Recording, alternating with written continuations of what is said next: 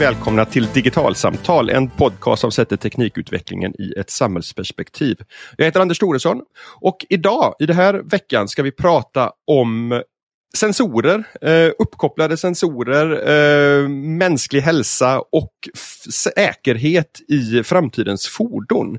Jag hälsar först Cecilia Sunnevång, global forskningschef på Autoliv. Välkommen till podden. Hej Cecilia! Hej, tack så mycket! Och med är också Stefan Kandefjord som forskar i digital hälsa på Chalmers. Hej Stefan! Hej, tackar! Vi ska prata om ett forskningsprojekt där Chalmers, Autoliv och ytterligare några parter deltar som har förkortningen COPE. Och det står i det här sammanhanget för Connected Occupant Physiological Evaluation uppkopplad passagerarundersökning eh, utav fys fysiologiska egenskaper, typ.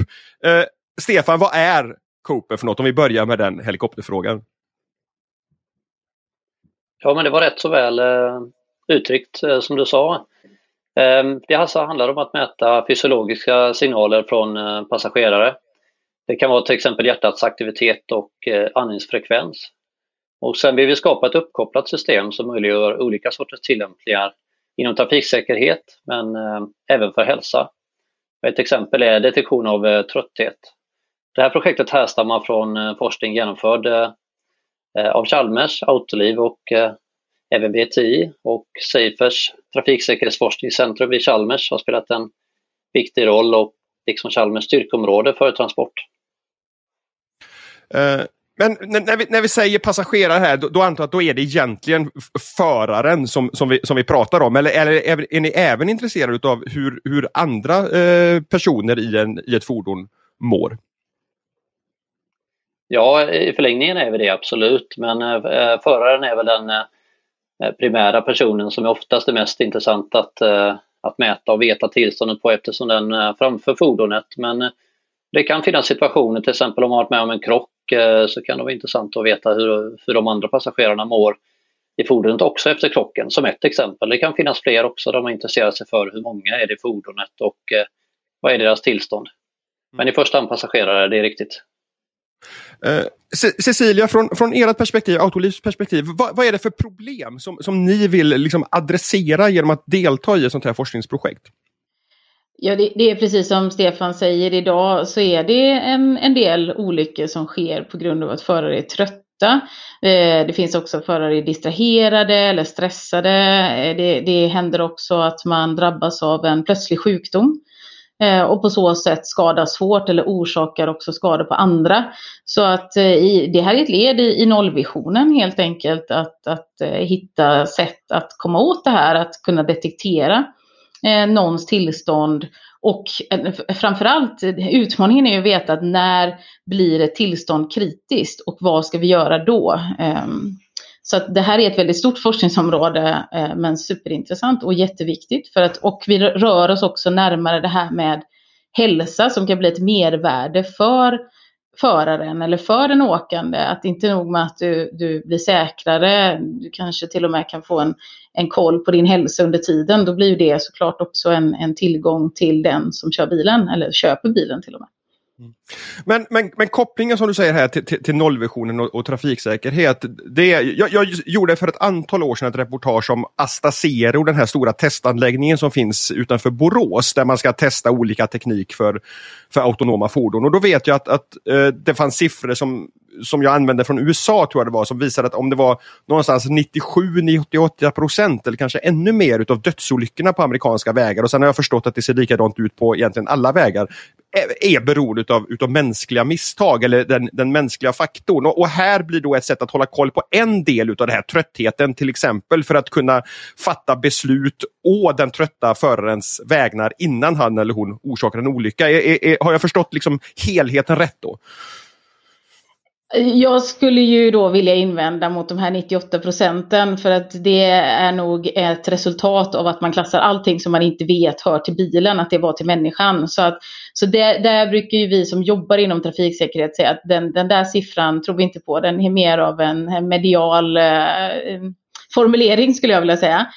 Eh, däremot så vet vi ifrån djupstudier och där man faktiskt har eh, intervjuat folk innan och så att någonstans kanske mellan 10 till 30 procent beror bara på trötthet. Så självklart är det så att både trötthet, distraktion, eller det kan vara stress du ska hämta på, på förskolan och det, det är liksom stressigt. Då kan du också ta eh, mindre sunda beslut och så vidare. Så, så eh, i övrigt, förutom de 98 procenten, så har du helt rätt i att det, det är bra att, att kunna ha den här kollen och att kunna antingen stötta föraren på ett bättre sätt eller helt enkelt uppmärksamma eh, hen på att ja, men det kanske är dags att vila eller du kanske borde byta att någon annan ska köra eller så. Just det. Uh, men i, i det här då så behöver ni två saker. Ni behöver dels sensorer som, som faktiskt registrerar liksom den underliggande eh, biologiska, fysiologiska datan hos, hos föraren. Hjärt, hjärtfrekvens och ögonrörelse kan jag tänka mig och andra saker. Men sen precis som du säger Cecilia så, så är ju nästa steg också att, att, att fatta bestämma på vilka nivåer eller vi, när är tröttheten så stor så att bilen måste gå in och fatta egna beslut. Jag skulle vilja ta båda de här stegen. För, först Stefan, liksom, här, vilken, vilken är den faktiskt råa tekniken som, som ni använder eller tittar på att använda för att samla in den här fysiologiska datan? Vil, vilka typer av mätpunkter är det det handlar om? Eh, hittills fram tills idag har vi eh, mestadels eh, arbetat med hjärtats signaler via EKG-elektroder så hjärtats eh, aktivitet är en eh, mycket intressant parameter som påverkas till exempel eh, av trötthet. Sen framöver vill vi titta på andra signaler också, till exempel andningsfrekvensen och det kan vara ögonrörelser och sånt som du nämnde också. Sen viktigt för oss när vi går framåt här för att göra det till en kommersiell teknik som skulle kunna vara tillgänglig för alla i vilken bil som helst så är det att jobba med icke-invasiv eller så, så, att säga så beröringsfri teknik som, som möjligt så att man inte behöver montera någon sensor på föraren innan man, man kör iväg utan det ska bara fungera om man, om man sätter sig i den och det är såklart många olika typer av utmaningar där. Sen eh, tror vi också mycket på att man får arbeta med eh, en kombination av flera olika sensorer för att göra det riktigt bra. Eh, det är många utmaningar som eh, finns i eh, att mäta i en bil, vibrationer och eh, kanske föraren har tjocka kläder på sig och liknande. Kan man ha flera sensorer så kan man kompensera för bortfall eller sämre kvalitet på, på någon sensor. Men är, är det sensorer monterade i ratt och sensorer monterade i säten ni tittar på? Eller, eller var någonstans i fordonet tänker ni er att de, den här tekniken för, för att mäta puls, hjärtfrekvens och, och andningsfrekvens ska, ska sitta? Ja, det är en jättebra fråga och det är en av de pågående forskningsfrågorna att titta på men allting som är relativt nära föraren är intressant som du säger.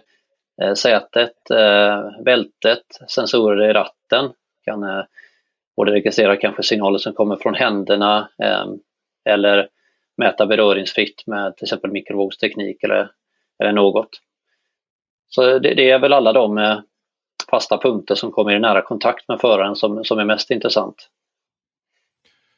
Um, Nästa steg då, N när man börjar samla in data för det här och sen, sen kunna lära tekniken var den här eh, cut-offen är för när föraren är för, för trött. Hur, hur, hur gör man för att utveckla den typen av algoritmer, den typen utav, utav digitaliserade beslut eh, för, att, för att faktiskt veta så att man inte går in och, och, och stör föraren för tidigt när, när hen inte alls är, är trött utan ja, det, det, finns andra saker som gör att, att, att mätvärdet tillfälligt avviker lite grann. Hur, hur, hur ser den utvecklingsprocessen ut?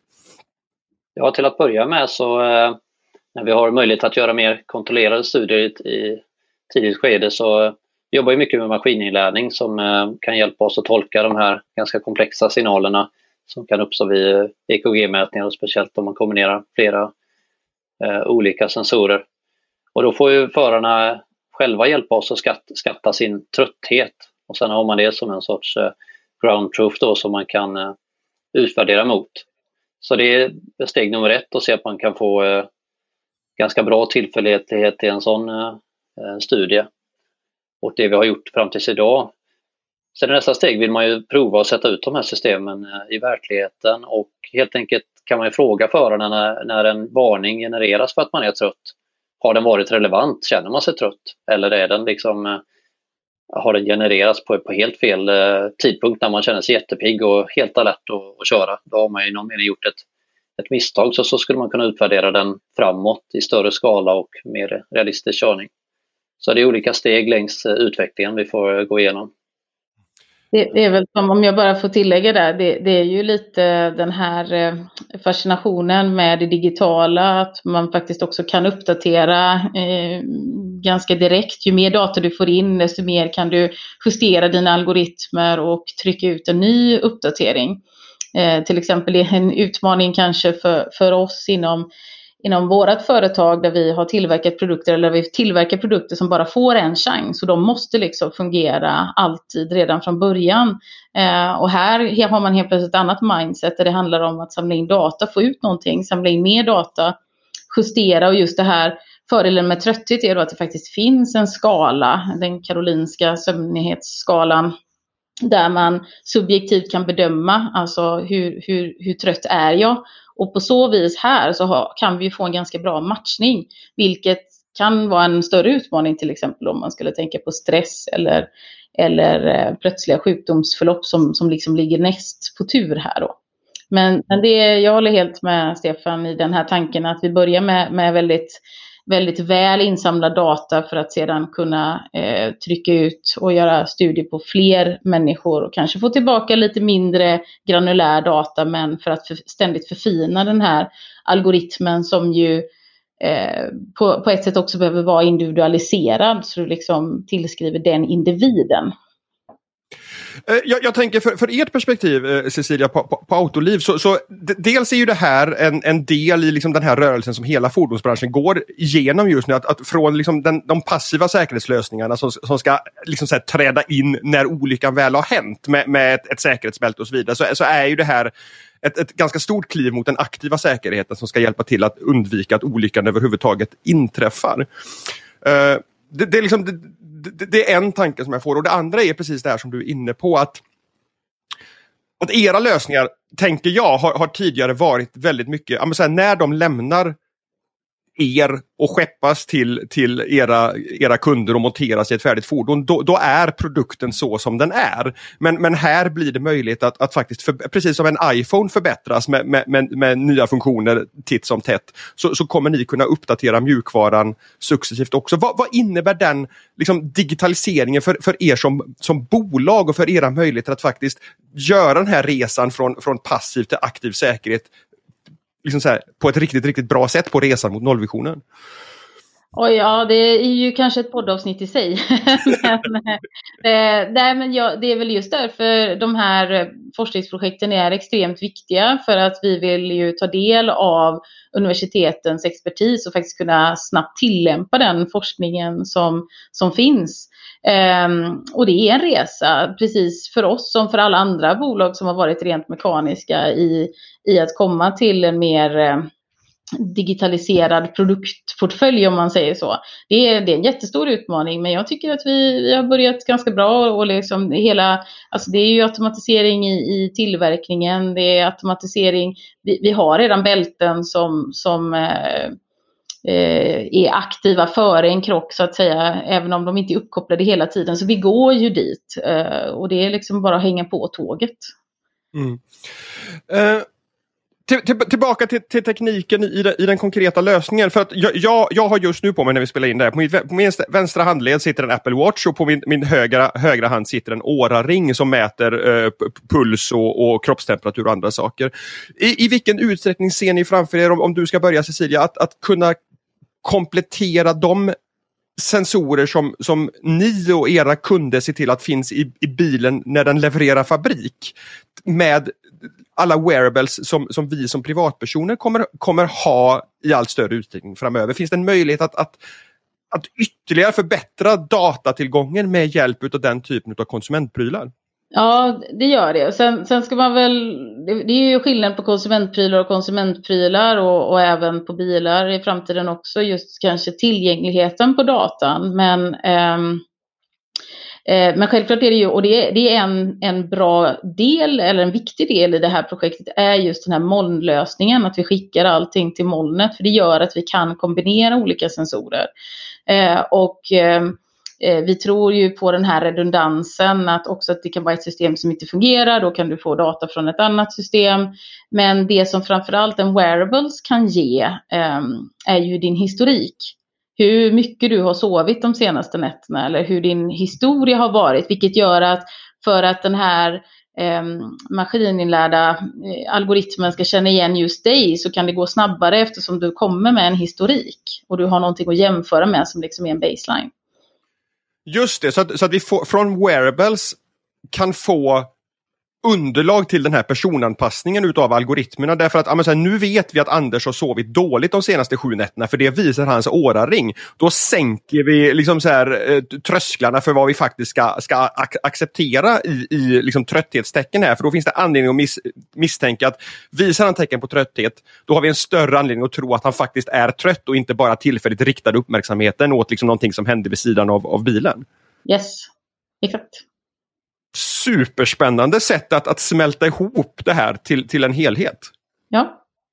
Ja men det är det och det är samma även för du var inne med ögonrörelser och kameror kommer kanske finnas i de flesta bilar. Eh, och man kan säga men kommer inte kameran kunna mäta allting? Ja, nej det kanske den kan men det kanske blir bättre om man har flera system och olika biltillverkare kommer välja olika vägar. Eh, så, så därför tror vi att det här är superviktigt och just den här kopplingen till att, att kunna ta in eh, teknologi från ett annat område, det vill säga medicinsk teknik i det här fallet och kunna få in det i en automotive-sfär. Det, det, är också eh, ja, det är jätteintressant. Mm. Vad, vad, tänker du Stefan om, om det här att, att plocka in data från, från kompletterande datakällor ur, ur, ett, ur liksom ditt forskar, forskarperspektiv? Vad, vad, vad tillför det för dig? Nej, men det är ju framtiden så det är någonting vi, vi tror jättemycket på och vill jobba och att, åt att det sker. Och som i det här projektet att eh, kombinera ihop eh, digital hälsa medicinteknik med eh, automotive-tillämpningar är ju extremt intressant på, på många sätt och skapar nya möjligheter att eh, övervaka hälsa eh, och helt, helt nya tillämpningar. Och bil är något som eh, många kör relativt ofta och man kan få en ganska regelbunden uppföljning och kanske kunna upptäcka en sjukdom som, som kommer smygande och så det är inte bara för trafiksäkerhet utan generellt för hälsa.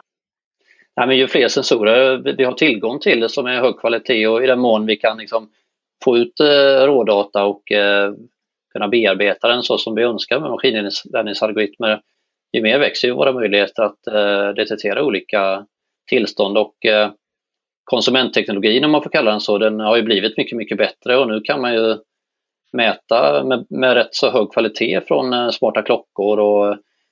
Eh, smartphones eh, med mera. Så det kommer definitivt bli en viktig komponent och det är någonting som fler har och det, det blir en tillgänglighet och det blir en skalbarhet i detta. Så kan man få till rätt samarbeten och att de tillverkarna som gör de här produkterna öppnar upp sina integrationerna mot deras datasystem så finns det oerhört stor potential. Så jag tror absolut det är framtiden.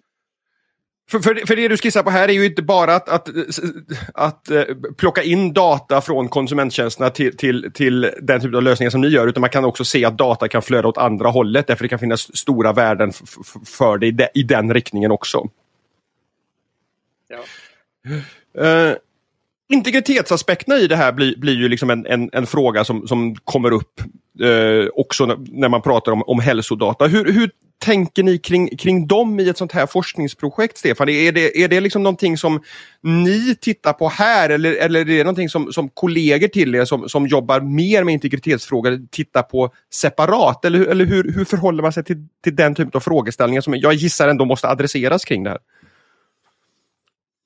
Ja, nej, det måste adresseras ganska tidigt skede så vi jobbar ju med det mycket när man sätter upp studierna här också att, eh, att få tillstånd från eh, de försökspersoner som vill medverka här och att de är medvetna om vilken data de samlar in och ger sitt tillstånd till det. Så det är ju en bit i början och sen vill man jobba på ett sätt så att man eh, ja, inte, inte mäter mer än man eh, måste så att säga och med så eh, integritetsokänslig teknik som möjligt. Så det är någonting man har med sig.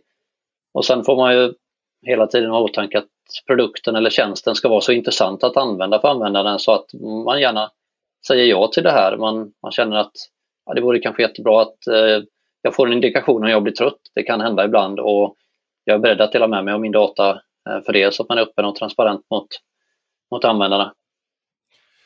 Uh, Cecilia, jag kan tänka mig att en del av lyssnarna, eh, liksom jag, kör en relativt modern bil som redan har vissa typer av till exempel trötthetsvarnare. Jag, jag får upp en liten kaffe, kaffekoppsikon i min, i min Ford ibland. Eh, vad, vad, vad skiljer sig, på, på vilket sätt skiljer sig det som ni tittar på i det här forskningsprojektet från det som faktiskt redan finns kommersiellt tillgängligt? Ja, men det är ju en ganska stor skillnad eftersom eh, de systemen som finns idag, de, de eh, mäter ditt körbeteende där, där framförallt rattutslaget är en eh, komponent. Och, och, det är ju bra för att man på något sätt tänker att ja men rör man på ratten, du kompenserar alltid lite, då, då är du vaken och du är alert. Men det finns väldigt lite evidens som säger att de här systemen faktiskt reagerar på rätt sätt och att de fungerar. Eh, och därför så kommer det ju eh, det finns i Eurencap, alltså konsument, eh, konsumenttestorganisationen, i deras roadmap nu då fram till 2025 så finns det här som, som eh, en, en, ett krav som kommer komma för att du ska få fem stjärnor så ska du ha olika nivåer. Det börjar med kaffekoppen, eh, varför det då finns i vissa bilar idag redan. Eh, sen stegas det upp till att du ska kunna bevisa på en högre nivå att du kan detektera trötthet och efter trötthet är det andra tillstånd och sen kommer det här med plötslig sjukdom. Eh, och, och, därför så är ju den här teknologin som vi har ändå hållit på med i, i några år och, och, det vi har gjort är ju, är ju rätt i tiden. För det blir just så här att när det kommer till en, en konsumentprovning då, då bildas det oftast, alltså då, då finns det en pull eh, i tekniken som det kanske inte alltid finns annars. Utan det är ju oftast genom eh, lagkrav eller, eh, eller just eh, konsumenttest som det här liksom på något sätt drivs. Men, men, men det, du, det du säger, om jag förstår det rätt, är att de, de analyserna som görs idag om, om jag är trött eller inte, de är liksom någon slags proxy för hur, hur jag faktiskt mår. Därför att rattutslag, där, där har vi liksom ingen traditionell forskning på. Medan den data som ni samlar in i ett sånt här projekt som handlar om hjärtfrekvens, som, som är liksom min, min, min, min kropps faktiska funktioner, de, de, de går att dra bättre slutsatser utifrån och därmed kommer det, tekniken successivt också att, att fatta bättre beslut om huruvida jag är trött eller inte. Det blir Precis, bättre. Man, kan säga, ja, man kan säga att det som är idag är ju mer reaktivt och, ens, och det är ens en frågeställning om det är reaktivt på rätt sätt eller, eller om det är reaktivt på något annat. Men, men när det kommer till just variabiliteten i hjärtfrekvensen så, så vet vi ju genom de försöken vi har gjort att det finns en stark korrelation till trötthet. Just det. Um, Precis, ett du... mer direkt sätt att uh, mäta och uh, en viktig sak är också att uh, möjligheten att mäta rattutslag försvinner ju helt om man har ett autonomt fordon. så att den här tekniken kan vara bättre att använda i, i framtiden. Bra Stefan, för det, det var nä, nästa fråga som jag hade i min frågelista här. Det, det är just liksom vi, vi, är ju trots allt på väg mot en, en framtid med, med autonoma fordon eh, där människor i mindre utsträckning än idag kommer vara den som faktiskt framför fordonet. Den forskningen som ni gör här, vilken relevans har den i en, i en värld där vi människor inte kör bilen alls längre? Finns det fortfarande ett behov av att göra den här typen av utav passageraranalyser? Det finns det absolut eh, och, och, eh, det är en ganska lång väg tror jag också innan vi inte alls kör själva. Och det är väl framförallt här då när vi kör ibland som det blir eh, extremt viktigt. För lite som Stefan var, var inne på här att redan idag med en autopilot i en, i en modern bil så kan du ju släppa ratten i 15 sekunder. Och du, sen får du ett ping att du ska röra den och det har ju ingenting med om du är trött att göra eller inte. Utan du kommer ju röra vid, vid ratten för att någon talar om för dig att du ska göra det. Eh, är ett sånt här system så är ju det en jättebra första sätt att säga då att ja men är en förare, alltså sitter det en förare ens på rätt plats? Eh, är den, är den liksom levande? Är den, är den eh, kapabel till att, att köra? Eh, sen finns det kanske en lång väg kvar i och med att du behöver nog kanske ha mer än, än att vara pigg och, och så. Du behöver ju ha din, hjärna behöver ju vara fokuserad på uppgiften att köra bil och, och där kanske vi är längre fram än, än trötthet. Men, men eh, absolut, den här teknologin kommer ju även att vara relevant i, eh, i högre nivåer av automation eller till och med helautomatiserade fordon. Men Stefan kan säkert utveckla också mer. Jag vet inte om, du, om jag missade någonting där, Stefan. Jag håller med dig Cecilia. Jag tror det kan bli en stor konkurrensfördel för tillverkare av autonoma fordon där ändå föraren då tar över ibland. Alltså man vet mycket om sin förares tillstånd, eventuellt de andra passagerarna, så kan man säkerligen utnyttja det på många olika sätt för att göra eh, upplevelsen att köra den här bilen bättre. Jag vet att en, en fråga som har varit uppe tidigare när, när jag har gjort intervjuer om den här typen utav, utav fordon som ibland kommer framföras utav utav människan och ibland utav datorn är också den här överlämningen. Att, att, att datorn ska veta om att, att jag som människa faktiskt är beredd att, att ta över kommandot. Därför att nu har datorn känt att jag klarar inte av den här situationen. Nu måste du som människa faktiskt gripa in. Där borde det här också kunna hjälpa till att, att, att fatta ett beslut om människan faktiskt är beredd att göra det här eller om jag som dator ändå ska liksom bara ställa mig på bromsen och hoppas på det bästa. Ja, Tänker jag rätt? Det är en eh, jätte, jätteviktig fråga. Ja, nej men det, det är det absolut. Men det är där jag menar att jag tror att där kanske vi behöver ännu lite mer forskning eftersom det till viss del också handlar, handlar om din kognitiva förmåga. Alltså du kan vara pigg men, men du ska ju fortfarande vara beredd på att faktiskt köra eh, och inte bara sitta där. Liksom. Eh, men, men eh, ja, det, det kan säkert använda samma teknologi till, till det också. Mm. Eh, det här är ju ett forskningsprojekt. COPE handlar om, om, om, forskning, men, men i förlängningen ligger ju någonstans ändå att det här ska bli lösningar som finns i kommersiella fordon för att faktiskt göra skillnad för de som lyssnar på det här samtalet. Uh, hur, hur, ser den resan ut? Från forskningsprojekt till, till dess att ni faktiskt kan börja leverera det här som produkter till era kunder, Cecilia? Eh, ja, alltså vi har ju en lång historik av att jobba på det här viset i, i en trippelhelix-konstellation. Eh, Inom Autoliv har vi gjort det eh, många, många, många år eh, tillbaka. Det som händer nu är att tidsaspekten blir kortare i dagens läge. Så att nu handlar det ganska mycket om att på något sätt göra forskning och lite utveckling och, och en produktifiering i parallellt. Eh, och, och, det är en utmaning här där det faktiskt ändå är också så att det är ganska nytt och det, det är många komplexa frågor. Eh, men, men jag ser det ändå som att eh, just också de här piloterna, alltså att vi måste samla in data och den här eh, stegvisa utrullningen är ju, är ju en möjlighet då att kunna göra detta. Att kunna komma ut med en, en A-prototyp för att sedan kunna förfina och så vidare. Men, men jag tror också som sagt för en, en bredare kommersialisering så, så krävs det liksom ett mervärde för slutanvändaren. Eh, eller ett superstort intresse från en biltillverkare eller någon form av lagkrav eller konsumentprov. Det är oftast det som, som liksom blir den riktiga volymhöjaren. Men, men du, du menar att, att eh, eran Autolivs produktutvecklingsprocess liksom, har förändrats från att, från att liksom så här, ske i, i, ett, i ett linjärt flöde som först är forskning och sen så tittar man på forskningsresultaten och därefter börjar man implementera dem i produkter. Så, så behöver man eh, göra de här två olika delarna parallellt. Vad, vad är det som har lett fram till, till, till det? Du, du, du sa att det går snabbare nu, men vad, vad är det som går snabbare och varför? Just när det gäller den här nya teknologin tror jag i och med digitaliseringen så går det snabbare. Det går inte snabbare om vi ska byta ett säkerhetsbälte eller en ratt eller en, en krockkudde för det är ganska samma process som det har varit hittills. Men, men här, någonstans så kommer vi ju som underleverantör, vi kommer ju också närmare slutanvändaren. Och att kunna ge ett mervärde till slutanvändaren via en produkt är ju också någonting nytt. Och då ja, i den här digitaliseringen så, så, blir det en annan typ av produktutveckling som, som är spännande och där jag tycker att vi, vi rör oss mot någonting nytt här. Um, Eh, kanske inte fullt ut ännu eftersom vi lever kvar i båda världarna på något sätt. Men, men det är absolut så att vi har, vi har blivit mer fokuserade på crossfunktionella eh, projekt i den mån att vi kan ha en del forskning, en del utveckling och en del eh, engineer, ren engineering egentligen. Mm.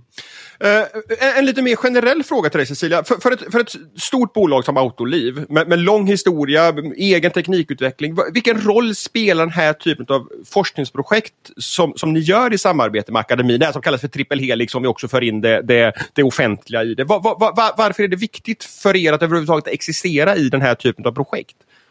Nej men det är jätteviktigt. Det är ju en typ av, av omvärldsbevakning blir det ju om man har flera typer av den här projekt, eh, av, av projekt av den här karaktären. Det är, det är ett sätt att, att liksom hänga med på det senaste. Eh, och sen är det också just det här att kunna få Eh, lite som att vi gör den här podden, eh, människor blir medvetna om vad det är vi håller på med. Det blir man ju också genom samarbeten och framförallt där akademin är ett viktigt eh, en viktig del på grund av att du vill ha liksom den evidensbaserade mm. forskningen som, som ett stort företag inte riktigt har resurser kanske eller prioriterar att göra på samma sätt. Då är det här samarbetet eh, extremt viktigt. Sen finns det ju alltid en konflikt i att akademin vill ju gärna prata fyraårsperioder för att du har en doktorand och industrin kanske tycker men herregud vi, vi, det räcker väl med två. Men, men det är en annan fråga. Men, men den här typen av projekt, jag tycker att vi har, vi har hittat ett väldigt bra samarbete och, och det underlättas av av eh, statlig finansiering eller den plattformen som vi har inom Safer också. Så att det, det är superviktigt. Mm. Om man vänder på frågan Stefan och, och, och skickar den till dig, från, från, ditt perspektiv som forskare på Chalmers, vad betyder det att, att, att näringslivet, att, att, att ni inte bara gör det här på Chalmers utan också i samarbete med, med det privata näringslivet? Ja, men det betyder mycket. Eh, det ger oss eh, möjligheter att inte bara bygga kunskap liksom mer teoretiskt utan att eh, faktiskt kunna vara med och skapa och göra skillnad och skapa nya produkter och, och tjänster som till exempel förbättrar trafiksäkerhet och förbättra möjligheter att eh, eh med mer applikationer i digital hälsa. Och det, det är någonting som vi verkligen brinner för att eh, vara med och påverka och med för samarbeten som Autoliv får man ju helt andra möjligheter att testa saker, väldigt nära verkligheten eh, i, på en skala till exempel med testförare som kan vara eh, i det här fallet eh, som man inte alls har möjlighet att göra på Chalmers. Så den typen av samarbete behövs. Mm. Eh, Cecilia och Stefan, stort tack för ett jätteintressant eh, samtal om eh, framtidens säkerhetslösningar för, för de fordon som vi alla sitter i lite då och då. Stort tack! Tack så mycket! Tack så mycket. Och till er som lyssnade, eh, på återhörande om två veckor. Hej så länge!